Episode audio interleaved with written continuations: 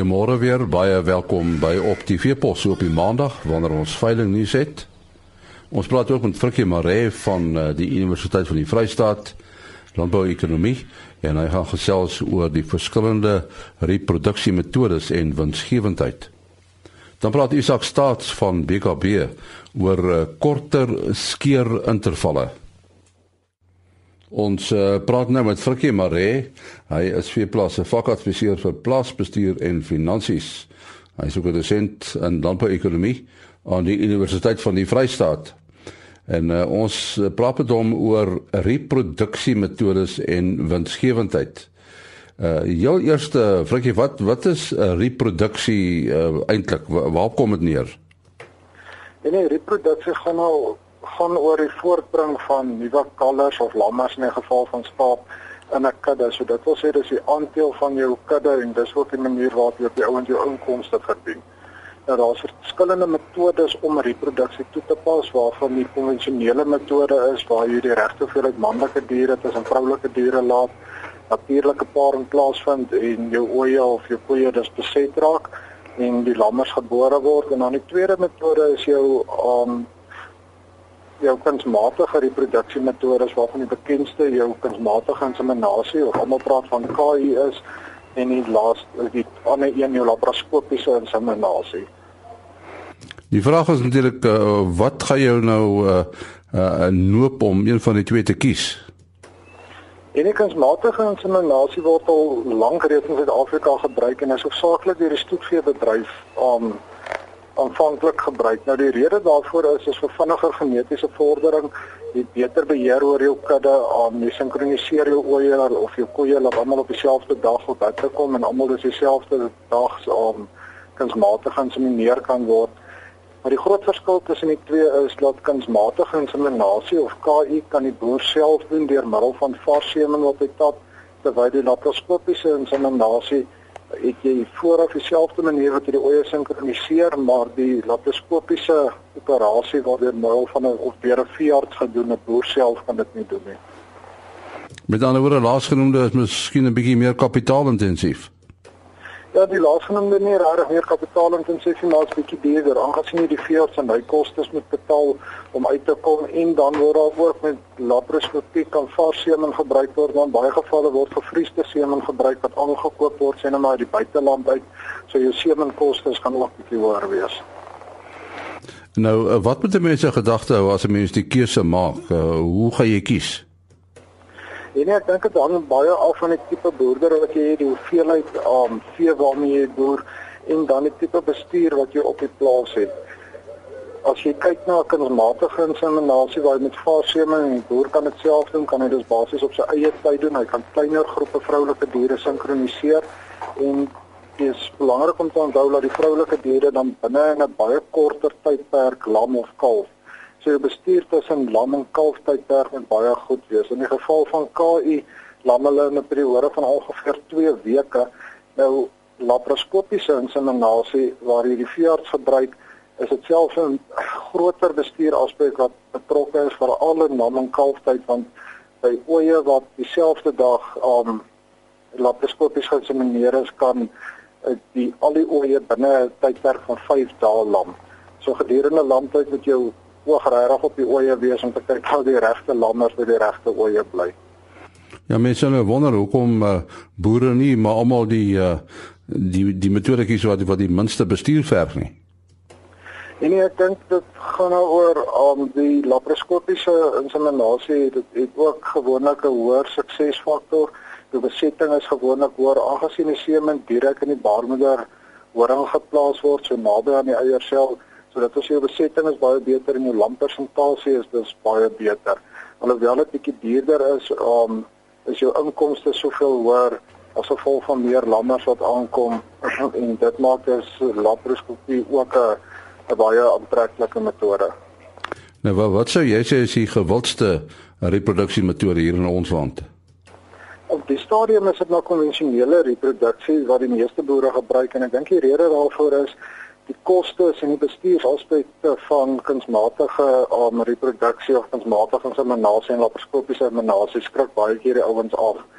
want jy hoor van hoe die oeye voor die tyd sinkroniseer en hulle op dieselfde dag in 'n manier jou um bestuur met reg wees en ek dink baie van die ouens kyk dan nie regtig mooi na die son nie maar indien jy egter die goed op papier gaan sit jy met kundige mense praat wat wel die metodes toepas dan kom jy agter dat jou voordele eintlik baie meer is as jou kostes en is net tog 'n baie doeltreffende manier is om om reproduksie met te toepas.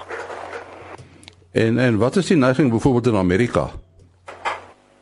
En in Amerika, ons weet hulle kleinveebedryf is nie vreeslik groot nie, maar ek weet dit groot veebedryf veral in die in die melkbedryf, maar dit is in Suid-Afrika ook die geval geval waar basies al die koeie wortensmatig geïnsemineer.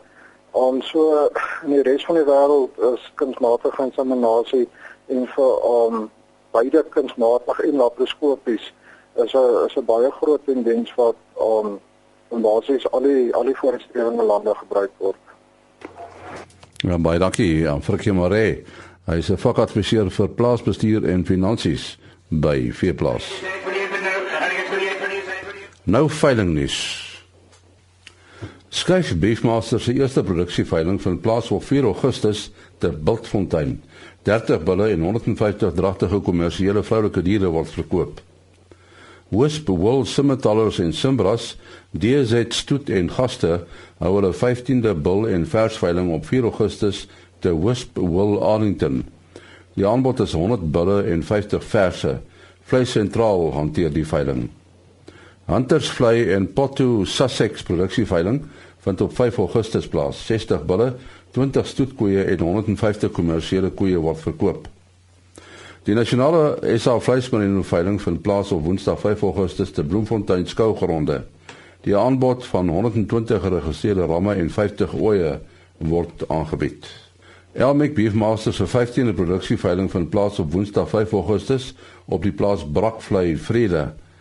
'n Aanbod van 50 bulle en 80 vroulike diere en vleis sentraal hanteer die veiling. Potto Sussex hou veiling op 5 Augustus by Huntersvlei vir Jonskroon.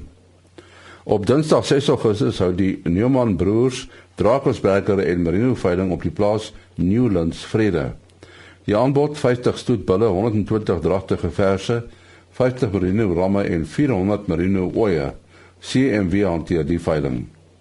Vrydag die 7 Augustus op die plaas Hoogland voor Riesburg vind die Forieskepers en Zinnabos Bonsmara se 26ste produksieveiling plaas. 'n Aanbod van 55 bulle, 25 SP koeie en 100 kommersiële koeie word op die dag verwag. BKB Louet hanteer die veiling. Tot sover veilingnuus. 8085. Ons uh, gesels met Isak Staats uh, van BKB en ons gaan met hom praat oor die neiging wat bestaan om die skeerintervalle korter te maak. Hoekom gebeur dit Isak? Hier vir 'n paar redes. In die eerste plek het wol geneties die afgelope 10 jaar langer geraak of hulle groei vinniger teen 'n teen 'n beter tempo. Uh in die tweede plek is daar is daar 'n redelike groot voordeel aan om korter wol te skeer. Seker een grootste voordeel daarvan is dat jy omtrent so 5-20% meer wol so op so 'n skaap afskeer. En die derde rede is ek dink dit pas gemaklik in by by by moderne bestuurspraktyke. Ja, jy sê die genetika het nou verander, maar kry mens nog die die gevraagde wollengte? Ja, ons kry nog steeds die gevraagde wollengtes. Ehm um, ek kan nie agterkom dat wollengtes regtig beduidend verkort het nie. Ons het wel minder minder oorgroeide wol as wat ons in die verlede gehad het. Maar nee, ons kry nog steeds die lengtes wat ons wat ons graag wil hê.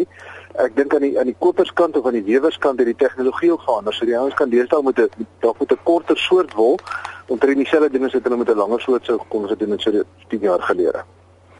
Ja, die wol is seker aansienlik skoner, nee, want die lang wol het maar 'n neiging om vuil te word die wol is baie skoner, so dis seker dis 'n baie groot verbaal van oor die feit dat jy meer skeer as die wol skoner. Ehm um, jou teksterkte is ook beter en jou skaap se gesondheid is ook is ook beter op die einde van die dag want jy het ook nie meer daai lang wol wat op 'n skaap sit wat honger aanvalle en sulke goeters lok nie. Nou as jy mens dit oor 'n jaar neem, sou mens dan sê dat jy meer wol van een van van dieselfde skaap afkry. Jy kry omtrent so, jy kry so tussen 15 en 20% meer wol van dieselfde skaap af. 'n uh, skaap wat 'n skaap wol groei 10,3 mm per dag in die eerste 7 maande van sy van sy groei siklus. So dit werk omtrent op so 'n sentimeter 'n maand tyd. Dan in die laaste 5 maande kom hy af na 'n halwe sentimeter 'n maand. So omdat jy nou korter skeer, het jy nou nie meer daai daai fase in jou in jou wol se groei siklus wat hy stadiger groei.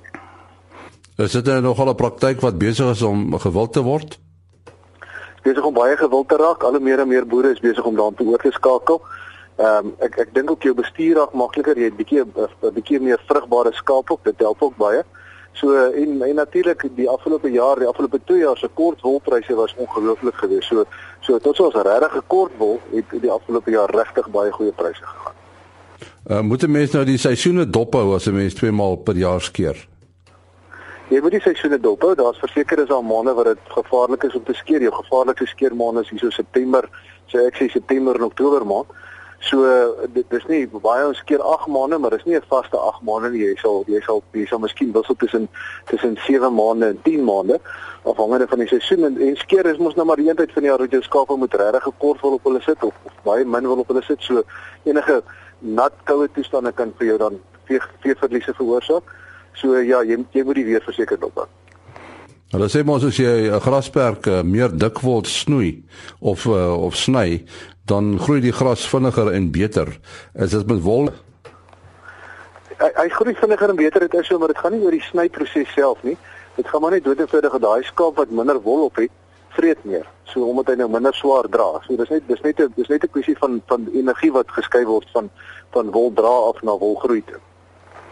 Dis 'n interessante opmerking wat jy maak. Met ander woorde, jou dubbeldoel uh, skape sal waarskynlik dan meer vleis kry. Wel ek jy weet 'n skaap 'n skaap is eintlik 'n is eintlik 'n wonderlike ding. Hy's 'n hy's 'n toekomsvoorspellingsmeganisme. Sy hele metabolisme is daarop uit om die toekoms te probeer voorspel. So hy gaan hy gaan kyk hoe lyk sy voedingsomstandighede, hoe lyk die reën en daarvolgens gaan hy gaan hy sy gaan hy sy sy wol of sy vleis laat groei. Ek het nie data om vir jou te sê dat daar dat daar verandering in in in, in sy groei tempo van die vleis self is nie. Ehm um, ek kan nou maar net sien wat met die wol gebeur, maar ek weet op die ou en die kort en dankie is 'n skaap wat 'n skaap wat wat minder wol op het, vreet makliker en en is en daarom is hy meer vrugbaar en daarom is hy groei hy so 'n bietjie vinniger en daarom groei die wol ook so 'n bietjie vinniger. En, en wat is die impak nou op die skeerspanne? Is daar genoeg skeerspanne om nou eintlik hulle hulle werk te verdubbel? Ja, wat skeerspanne is nie 'n probleem nie. Ons het ons het genoeg genoeg goeie skeerders in ons land. Ehm um, ons is konstant besig om nog op te lei. Ehm um, so nee, dis dis nie 'n probleem nie. As boere nou wil begin om uh, soos jy sê twee maal per jaar te skeer, uh moet hulle iewers gaan inligting kry daaroor of uh, is dit maar iets wat jy vir jouself kan uitwerk? Ek dink as jy dit vir jouself kan uitwerk, ek die die grootste ding wat 'n mens keer om om om om na 'n ander skeerpatroon te gaan is die ritme van jou plaas. Jy weet so as jy in 'n mielieplaas is, dan is dit baie moeilik om om jou ritme van jou plaas te verander want jy het nog oestyd en planttyd tussenin ook wat wat net so hoë druk kry op jou plaas. So jy kan nie jy kan nie jy kan nie oestyd skeer of ek sê maar oestyd en planttyd op die en skeertyd op die in dieselfde in dieselfde maand hê. So jy weet ek dink dis ook 'n kwessie van van wysheid. Wat kan ek doen en wat kan ek nie doen nie? Dit was dan uh, Isak Staats van BKB wat gesels het. Ook die einde van ons program môreoggend om 4 voor 5 is ons weer op ons pos. Tot dan, mooi loop.